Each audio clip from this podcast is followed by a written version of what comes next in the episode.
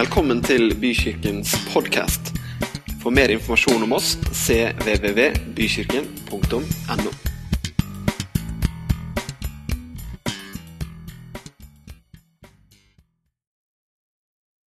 Det er alltid herlig å komme sammen, og Gud han har gitt noen løfter til oss når vi kommer sammen.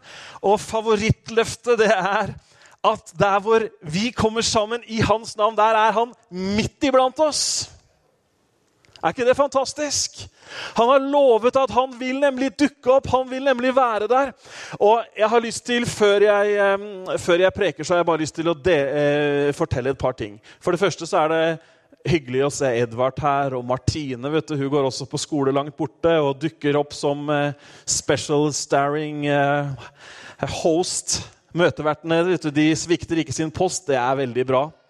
Og så var det to mennesker i dag som holdt en liten preken for meg før møtet. Her ute i foajeen. Og Henny, kan ikke du bare reise deg opp der hvor du sitter? Dere, hun har nylig hatt et jubileum. 30-årsjubileum. Det er nå noen dager over 30 år siden Henny brakk nakken og hadde alle forutsetninger for å ikke være den flotte dama der hvor hun står. Gud hadde et ord, Gud greip inn, og her ser vi beviset. Er det ikke fantastisk? Og jeg fikk frysninger på ryggen. vet du. Helt utrolig. Tenk det. Det så ikke veldig lyst ut. Men så var det en som hadde en annen plan.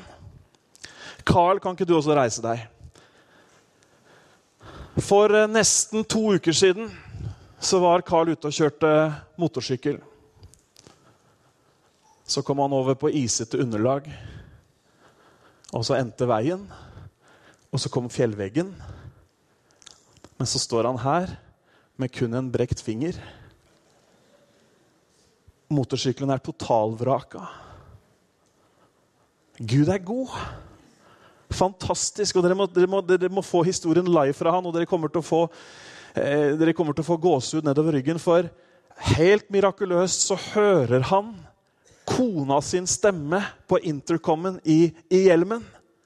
Som om hun ringte til han, hvilket hun ikke gjorde. Hun lå hjemme i senga og sov. Men det var noen. Det var noen som ville at ikke dagene til Carl skulle ende. Og vi er så takknemlige for det. Det er så fantastisk. Det er så fantastisk hva Gud gjør. Og dette her, det er bare, Jeg er sikker på at hvis vi hadde tatt runden, så kunne vi høre flere forskjellige historier. Men dette er bare et bevis på at det finnes en kjærlig Gud. Det finnes en som har omsorg for oss, og som ikke har slutta med å vise den omsorgen. Er ikke det utrolig herlig?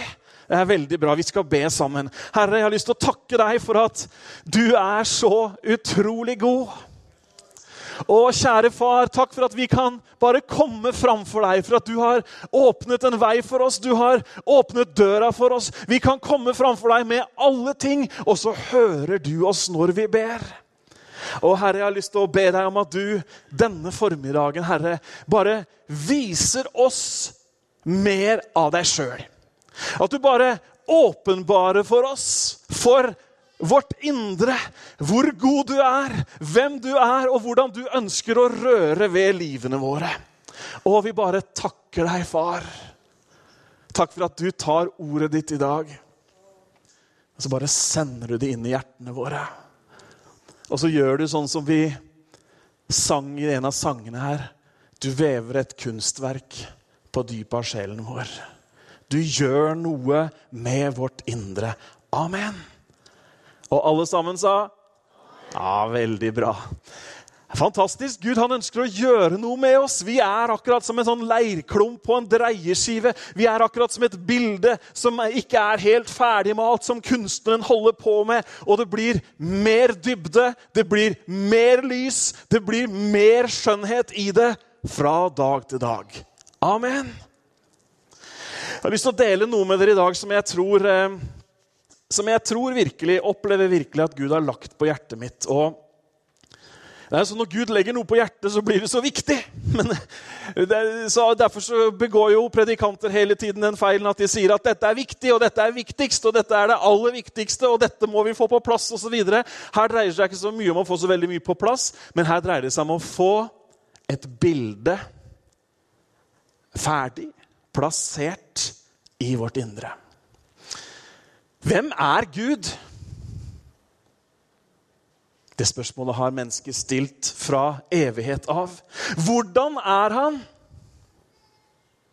Hva gjør han? Opp gjennom tidene så har Gud blitt tilskrevet både det ene og det andre. Gud har fått skylda for en hel masse ting som han ikke har noe med å gjøre i det hele tatt. Hvilke av historiene er det som stemmer? Hvordan er Gud? Hva slags bilde har du og jeg av hvem Gud er? Mens vi finner i Gamle Testamentet at Gud som skaper er et hovedtema. Gud som allmektig, Gud som guddommelig. Det fremkommer tydelig.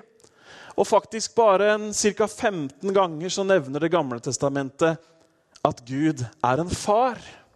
Men det nevnes allerede da. Mens i Nytestamentet derimot så er det et av hovedtemaene at Gud er en god far. Og det nevnes i over 250 ulike vers at Gud er en far. Vi trenger å få et rett bilde av hvem Gud er.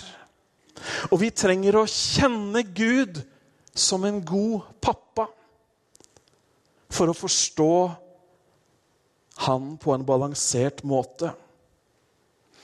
Bibelen bruker ord på disse tingene som skal gjøre det lettere, oss, lettere for oss, eller i hvert fall anspore oss til å forstå, fordi at Bibelen kaller oss barn. Bibelen kaller oss sønner og døtre. Far. På gresk så heter det pater. Og Opprinnelsen av det ordet betyr en som eh, gir liv, en som gir næring, en som beskytter, en som holder oppe. Det er Gud. Hørte du hva jeg sa? Det er Gud. En som gir liv, en som beskytter, en som holder oppe. Og Gud som far har en helt spesiell plass i vår kristne tro. For Bibelen sier at han er opphavet til alt. Han er kilden til alt. Han er den rette far for alt som kalles barn i himmelen og på jorden, står det i Efeserbrevet. Og så er han den som skapte. Så er han den som opprettholder. Og han beskrives også som Jesu Kristi far. Så mange mennesker har et bilde av Gud som noe annet enn en god far. Be en eh, flokk unger om å tegne Gud. Og du får garantert i hvert fall noen tegninger av en mann med langt skjegg, kanskje veldig morske øyne, og er barna gamle nok, så har de fått med en pekefinger også. Er du med på tanken? Veldig mange har det bildet av Gud. Og det bildet av Gud, det er faktisk så feil som det kan få blitt. For Gud er en god far. Gud, han elsker deg og meg. La oss se på et skriftsted som vi finner i 1. Johannes 3, 1. Se hvilken kjærlighet Faderen har, har gitt oss. At vi skal kalles Guds barn. Derfor kjenner ikke verden oss, fordi den ikke har kjent Han. Elskede, nå er vi Guds barn. Og det er ennå ikke blitt åpenbart hva vi skal bli, men vi vet at når han, når han, blir åpenbart, skal vi bli lik han, for vi skal se ham som han er. Og hver den som har dette håpet til han, renser seg selv like som han er ren. Jesus lærte disiplene hvordan de skulle be, og han sa ikke 'Si da, allmektige himmelens og jordens skaper, du som befinner deg langt borte', men han sa 'Når dere ber, så si' Vår far, Fader vår, vår pappa. Gud, han har omsorg for oss. Vi skal dele en historie som er en av mine store favoritter. Du sliter jo med å holde eh, regning på hva som er mine favoritter, for det er mange favoritter. Det er så mye bra i den boka her at det er vanskelig å velge noe. Men dette er definitivt en klassiker. Dette er definitivt nyttig undervisning for deg og meg som er gitt av Jesus sjøl. Du skjønner at Gud han har et sterkt ønske om at vi skal vite hvem han er. Visste du det? Han vil så gjerne at vi skal vite hvem han er, at han sendte et bevis på hvordan han er. Han ga oss noen vi kunne se på. Derfor så sier Bibelen at den som har sett Sønnen, den som har sett Jesus, altså, har sett Faderen. Og vi så han, vi så avglansen av herligheten hans. Jesus er uttrykket på jord for hvordan Gud er. Men det skapte revolusjon i de religiøse kretser når Jesus oppførte seg sånn som han gjorde. Når Jesus demonstrerte hvordan Gud egentlig er, så ble det oppstandelse, det ble trusler, og vi vet hvordan det faktisk endte til slutt. I Lukas 15 så finner vi tre lignelser. Inngangen til eh, de tre lignelsene er at Fariseerne og de skriftlærde klaget og sa denne mannen, altså Jesus, tar imot syndere og spiser sammen med dem. Hmm. Med andre ord, deres bilde var at det kunne ikke Gud gjøre. Sånn kunne ikke Gud være. Er du med på tankegangen? De hadde store problemer med at han som sa han var Guds sønn, han som gjorde tegn og under, han som helbreda de syke, han spiste sammen med syndere. Han satte seg ned og prata med prostituerte. Hallo! Ingen byens beste borger, med andre ord. Og så forteller Jesus noen historier som skal vise oss, som skal forklare oss hvem Gud virkelig er. Og Nå skal du få høre en av dem, og det er den kjente historien som du tror at du har sett alltid inntil denne dagen, som skal få noen nye, litt nytt krydder og litt nye vinklinger.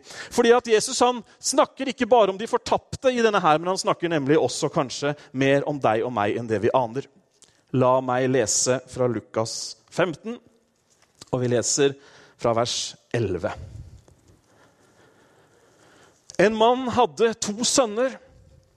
Den yngste av dem sa til sin far, 'Far, gi meg den delen av eiendommen som tilfaller meg.'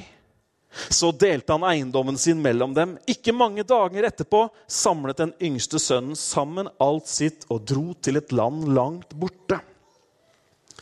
Og der sløste han bort alt han eide, i et nedbrytende liv. Men da han hadde brukt opp alt, ble det en svær hungersnød i det landet, og han begynte å lide nød. Da gikk han av sted og slo seg sammen med en av de som bodde i landet. Og han sendte ham ut på marken for å mate svin. Og han spiste, gjerne, spiste seg gjerne mett på de skolmene som grisene åt av, for ingen gav ham noe.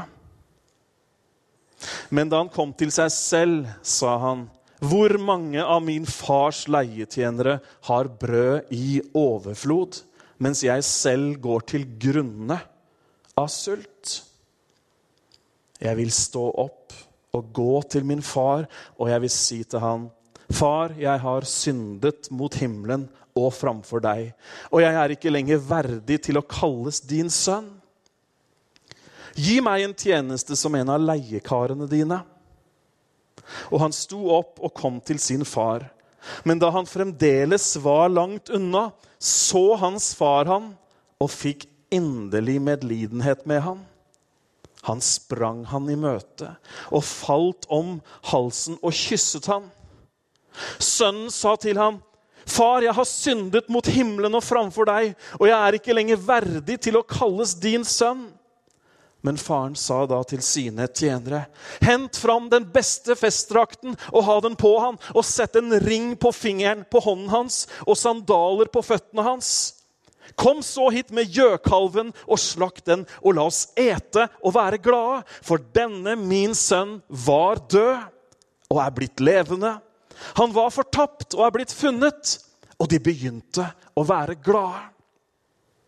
Nå var hans eldre sønn ute på marken, og da han var på hjemvei og nærmet seg huset, hørte han musikk og dans. Så kalte han på en av tjenerne og spurte, 'Hva skal alt dette bety?' Han sa til ham, 'Din bror er kommet, og fordi din far fikk han tilbake i beste velgående, har han slaktet gjøkalven.' Men da ble han harm og ville ikke høre og ville ikke gå inn. Derfor kom hans far ut og bønnfalt han. Så svarte han med å si til sin far, Se, i så mange år har jeg tjent deg. Jeg har aldri noensinne overtrådt ditt bud. Likevel har du aldri gitt meg så mye som et kje, så jeg kunne ha fest sammen med vennene mine. Men så snart denne sønnen din kom, han som har sløst bort arven etter deg sammen med skjøger, da slaktet du gjøkalven for han. Og han sa til han, Sønn, du er alltid hos meg, og alt mitt er ditt. Men nå er det rett at vi skal fryde oss og være glade, for din bror var død og er blitt levende. Han var fortapt, men er nå funnet. Hm. Det er utrolig mange interessante ting i denne historien. her. Men først og fremst så ser vi et bilde av hvordan Gud møter oss mennesker som er radikalt annerledes enn en moraliserende finger. Som er radikalt annerledes enn en dømmende holdning. Tenk deg denne faren som ikke bare satt inne i huset, men som sikkert daglig gikk og speida etter sønnen sin. For det er tydelig at så fort han var så nærme at han kunne kjenne igjen ham, så var far ute, klar til å ta imot ham. Det hadde vært like naturlig, i hvert fall rent menneskelig, at han hadde stått der på trappa og venta til han kom helt fram sjøl. Hadde de ikke det? Hallo? Men nei, han gjorde noe som mest sannsynlig, ifølge Ifølge levesettet i Midtøsten så gjorde han noe som var veldig uvanlig. Det ordet som brukes om at han løp, det er det samme ordet som brukes i hebreerne om at vi skal løpe med utholdenhet i løpet. Med andre ord så tok denne mannen mest sannsynlig så hevden kappa seg litt opp, sånn at han kunne bruke beina, og så løp han av alle krefter for å ta imot sønnen sin. Og det gjør ikke menn over 40 år i de tradisjonene. For man skal nemlig ikke, På den tiden så skulle man i hvert fall ikke vise beina sine. Så det at han i det hele tatt gjør dette, det er sterkt. Kanskje var det en annen grunn til at han også løp han i møte. Mest sannsynlig så var det nemlig sånn at det var ikke bare farshuset at denne sønnen hadde brakt skam over. Det var så kollektivt og det var så felles i de samfunnene de bodde, at mest sannsynlig så syns hele landsbyen eller hele fellesskapet der så syns de at det var det han hadde gjort. Det var en skam både for farens familie og en skam for alle de som bodde der. Og da hadde de noen tradisjoner for at når noen sånne kom tilbake, så møtte de dem. Så brukte de leire, og så markerte de virkelig at de var et, en, en skyldig person. Altså det som vi kanskje gjør i dag når vi dømmer folk nedenom og hjem uten å kjenne hele historien. Men det står i hvert fall ikke her at det skjedde. Og kanskje var det fordi at faren han var raskere enn landsbyboerne. Faren han var raskere enn naboene. Han kom han i møte. Vet du hva? Gud han ønsker å komme alle mennesker i møte. Gud han ønsker å møte deg, han ønsker å møte naboen din. Han ønsker å møte alle mennesker der hvor de er. Han er full av kjærlighet. Se hvilken kjærlighet Faderen har vist oss. Å, for en kjærlighet!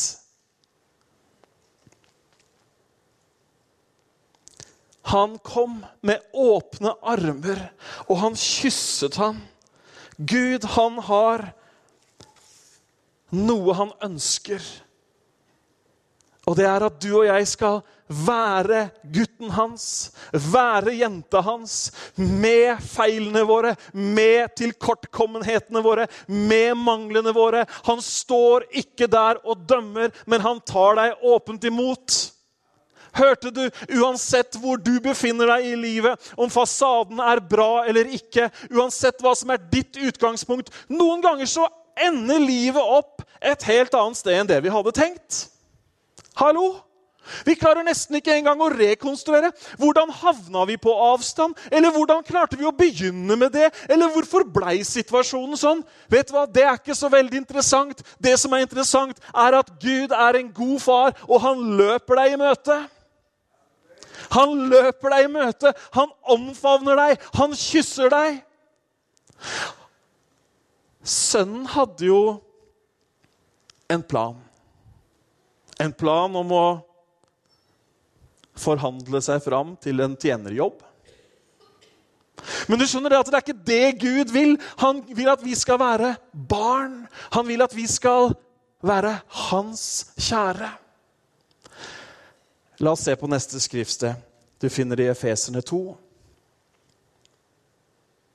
Noen ganger så tenker vi at det er det vi kan gjøre, som blidgjør Gud. Vi tenker at det er livsførselen vår som kan liksom få han litt sånn blidgjort. Gud er liksom litt sånn bipolar, og det har et skiftende humør. og Vi må liksom spille, liksom gå litt sånn på tå hev. Nei, det er ikke sånn i det hele tatt. Kan vi få opp efeserne der, ja? Men Gud er rik på miskunn. Og på grunn av sin store kjærlighet, som han elsket oss med, gjorde han oss levende sammen med Kristus da vi var døde i overtredelsene. Av nåde er dere frelst. Og han oppreiste oss sammen med han og satte oss sammen med han i den himmelske verden i Kristus Jesus, for at han i de kommende tidsaldre kunne vise sin nådes overveldende rikdom i godhet mot oss i Kristus Jesus. For en setning! Hallo, han frelste oss, han redda oss. Og ikke bare gjorde han det sånn at vi kom innafor. Nei, han ga oss en posisjon i himmelen. Vi ble, ble plassert med Kristus. Et bilde på å regjere, et bilde på å styre, et bilde på å være over og ikke under. Og hvorfor gjorde han det? Jo, sånn at han kunne demonstrere hvor rik hans nåde er.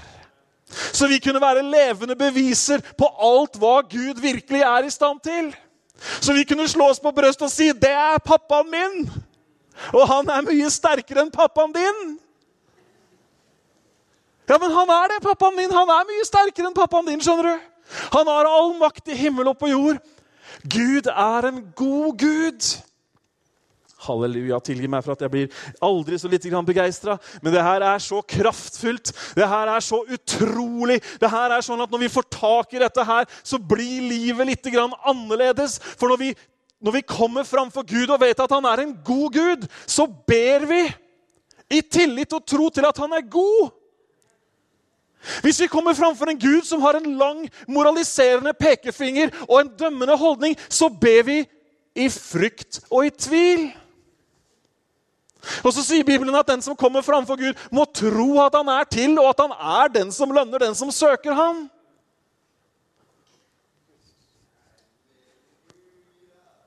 Og så mange som går rundt med et bilde av en sinna Gud.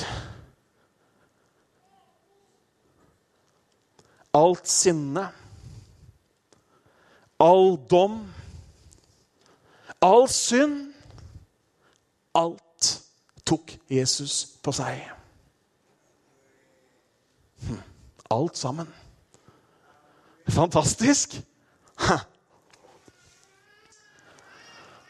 Sønnen kom tilbake, og han hadde en plan om å forhandle seg fram til en jobb hos faren. Hva leste vi? Jeg vil si til min far Jeg har gjort noe gærent. Jeg er ikke verdig til å kalles din sønn, men kan jeg i hvert fall få lov til å bli din tjener? Vet du hva? Han rekker ikke å begynne forhandlingen om jobb. Han rekker ikke engang å spørre kunne det ha seg sånn, kjære far, at jeg i alle fall kunne bli en leiekar og bo der borte i brakka sammen med de andre. Å, oh, her kommer alt ned. Er du med på tanken? Han rekker det ikke engang fordi at faren er så Han rekker bare å si 'Jeg har syndet mot himmelen og framfor deg. Jeg er ikke lenger verdig til å kalles din sønn. Og så skulle neste setning vært Men kunne jeg aller nådigst få lov hvert fall til å jobbe på jordene, sånn at jeg kan få litt brød og overleve? Han rekker ikke å si det engang. Faren sa til sine tjenere, hent fram den beste festdrakten. Oh. For en kjærlighet! For en revolusjonerende kjærlighet som bare kommer, og som tar alle unnskyldningene, feier det til side, og som bare sier 'Kom, jeg har en festdrakt til deg'. Du skjønner det at eh, kjærligheten, Faderens kjærlighet, den fullkomne kjærlighet, har en egenskap som er helt rå. Vet du hva det er? Det er at den driver all frykten ut. Vi kan få se det. Du kan få det på veggen. Noen vil alltid ha skriften på veggen før de tror at det er sant. Det var ikke den, men det var uh, litt lenger ned. Det er ingen frykt i kjærligheten. Smak på det. Mellom din kjærlige far i himmelen og deg. Det er ikke noen frykt i den kjærligheten. Det er ikke noen 'hva om han er sint i dag' i den kjærligheten. Det er ingen frykt i kjærligheten, men den fullkomne kjærligheten driver frykten ut. For frykten, hva gjør den? Jo, den regner med straff. Frykten regner med en smekk på fingeren, en moraliserende preken, beskjed om å ta seg sammen, beskjed om å forbedre seg. Frykten driver, eh, Kjærligheten driver frykten ut, for frykten regner med straff. Men den som frykter, er ikke gjort fullkommen i kjærligheten. Vi elsker han fordi han har elsket oss først. Jeg har en bønn om at vi skal bli fullkomne i kjærligheten. Ikke fullkomne i oss sjøl, det var ikke det jeg sa. Men fullkomne i kjærligheten. At ikke vi lenger skulle gå og frykte. I Galaterbrevet så Nei, unnskyld, det var feil. Men det står i um, ja, Nå husker jeg ikke hvor det står engang, men det står at uh, Gud har ikke ført oss inn i trelldommens kår, sånn at vi igjen skulle frykte. Men han har gitt oss barnekår. Han har gitt, oss betingelser som barn, sånn at vi sier Abba, far. Pappa, Gud. Hm. Det er sånn vi kommer. Pappa. Det er så annerledes.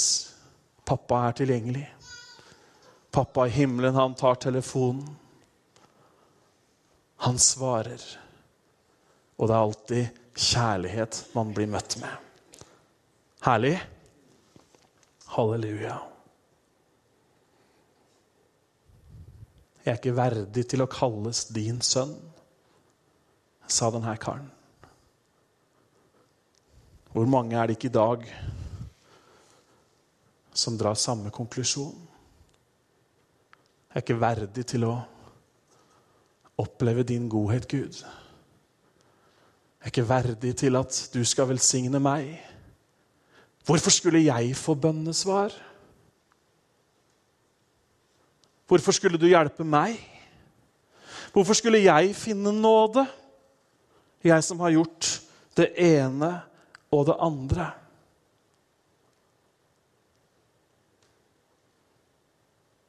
Faderen, han svarer med å finne fram festdrakten.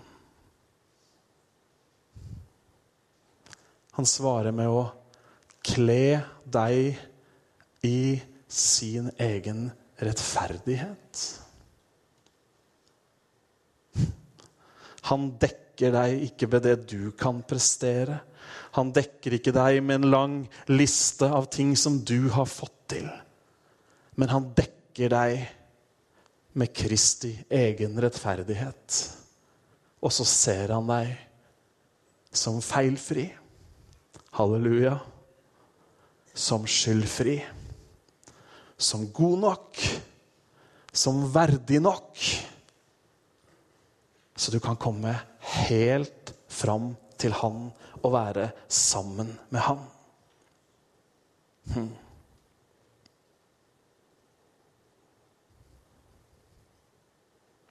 Sett en ring på hånden hans. Hadde du en ring, så hadde du posisjon. Gi han sandaler på føttene. Symboliserer en frihet.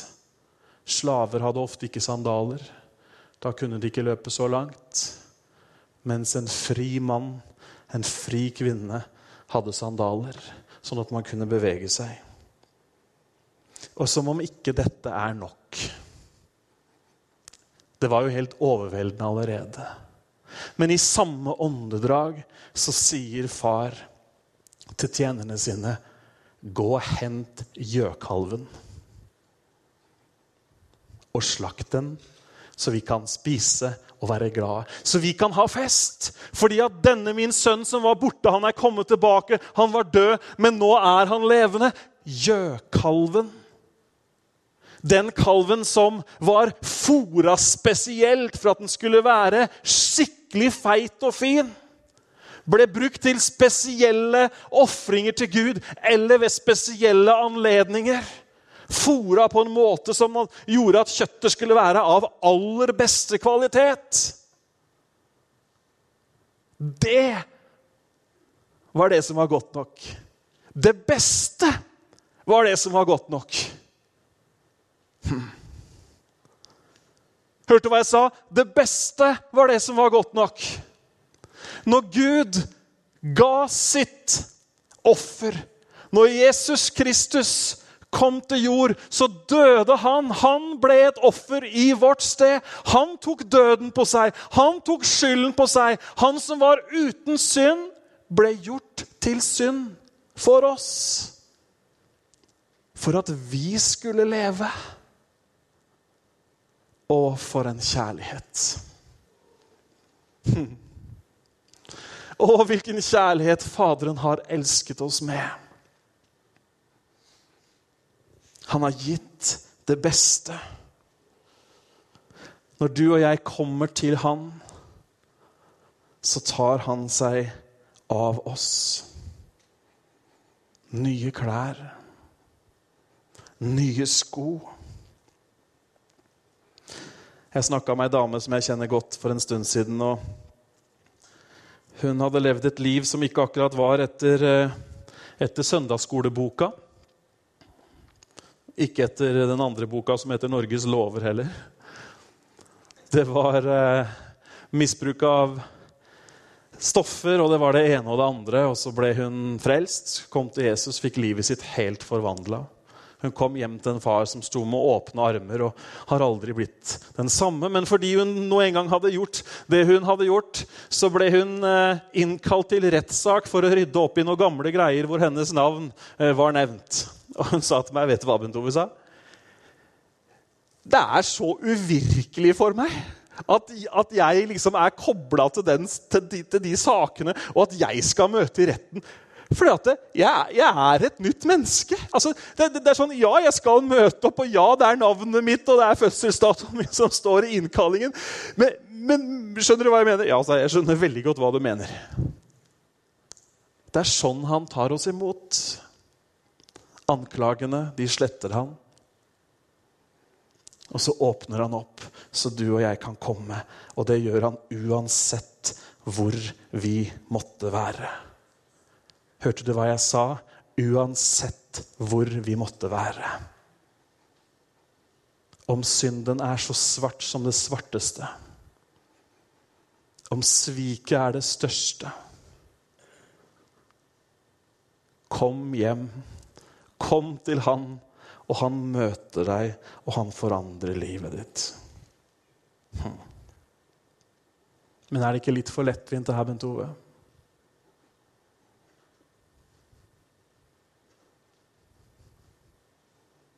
Er det ikke Kunne det ikke vært noe som vi måtte gjøre? Kunne det ikke vært noe som krevdes av oss? Konsekvensen av synd er alvorlig. Bibelen sier at syndens lønn er døden. Bibelen sier at det finnes ikke én rettferdig, ikke én. Det er ikke en av oss som kan rose oss, det er ikke en av oss som kan stikke oss fram. Men Gud elsket verden så høyt at han gav sin eneste sønn. Hvorfor?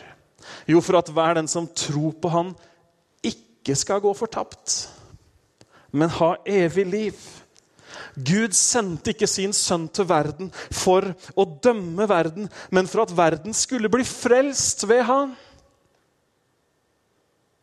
Han ville redde oss. Han ville løfte oss. Han ville overøse oss med sin godhet. Hvem er Gud? Hva gjør Gud? Han er en god far. Det står i Bibelen all god gave kommer ovenfra, fra Han som er lysenes far. Hos Han er det ikke noe mørke, hos Han er det ikke noe skiftende skygge. Han er god! Halleluja! Er du glad for at han er god? Han elsker deg! Du kan peke på deg sjøl du si 'Han elsker meg'. Kanskje det er lenge siden kona har sagt det, men han elsker deg. Kanskje det er lenge siden du har følt deg spesiell. I hans øyne så er du spesiell. I begge mine hender har jeg tegnet deg, sier Bibelen. Han kjenner deg. Han vet hvor du er. Og så løper han deg i møte i din tilkortkommenhet, i din problematikk, i ditt mørke, i dine utfordringer.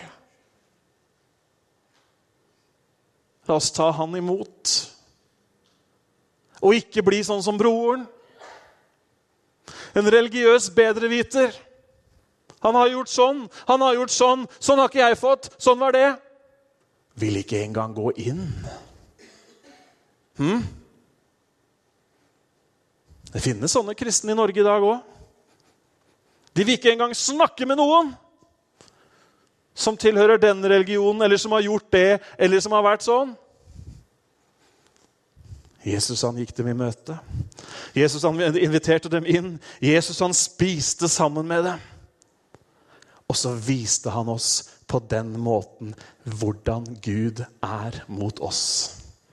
Jeg syns det er fantastisk. Jeg syns det er stort. Og jeg ber Gud om at vi må bli fullkomne i kjærligheten. Det betyr at vi må ha det bildet av Gud som gjør at vi kommer med frimodighet framfor Han. Det er forskjell på å komme med unnskyldninger og det å komme med frimodighet. Vi kan komme helt fram. Vi kan se han inn i øynene, og vi kan si 'pappa'. Så kysser han oss. Er ikke det fantastisk? Jeg har én hjemme som liker kyss for tida. Eller to, egentlig, da, men nå snakker jeg om ungene. Jeg har en hjemme som liker kyss, og så har jeg ei som sier 'nei, pappa, ikke kyss meg'. Men så har jeg en annen som gjerne mottar kyss, og som gjerne kysser tilbake så det smasker i bøtter og spann. Det er deilig. Og så er det sjarmerende når smaskelyden kommer før leppene treffer noen ganger. Han har øvd litt på den, skjønner du. Han springer, imot, springer imot oss og omfavner oss. Vi skal dele nattverden om et øyeblikk.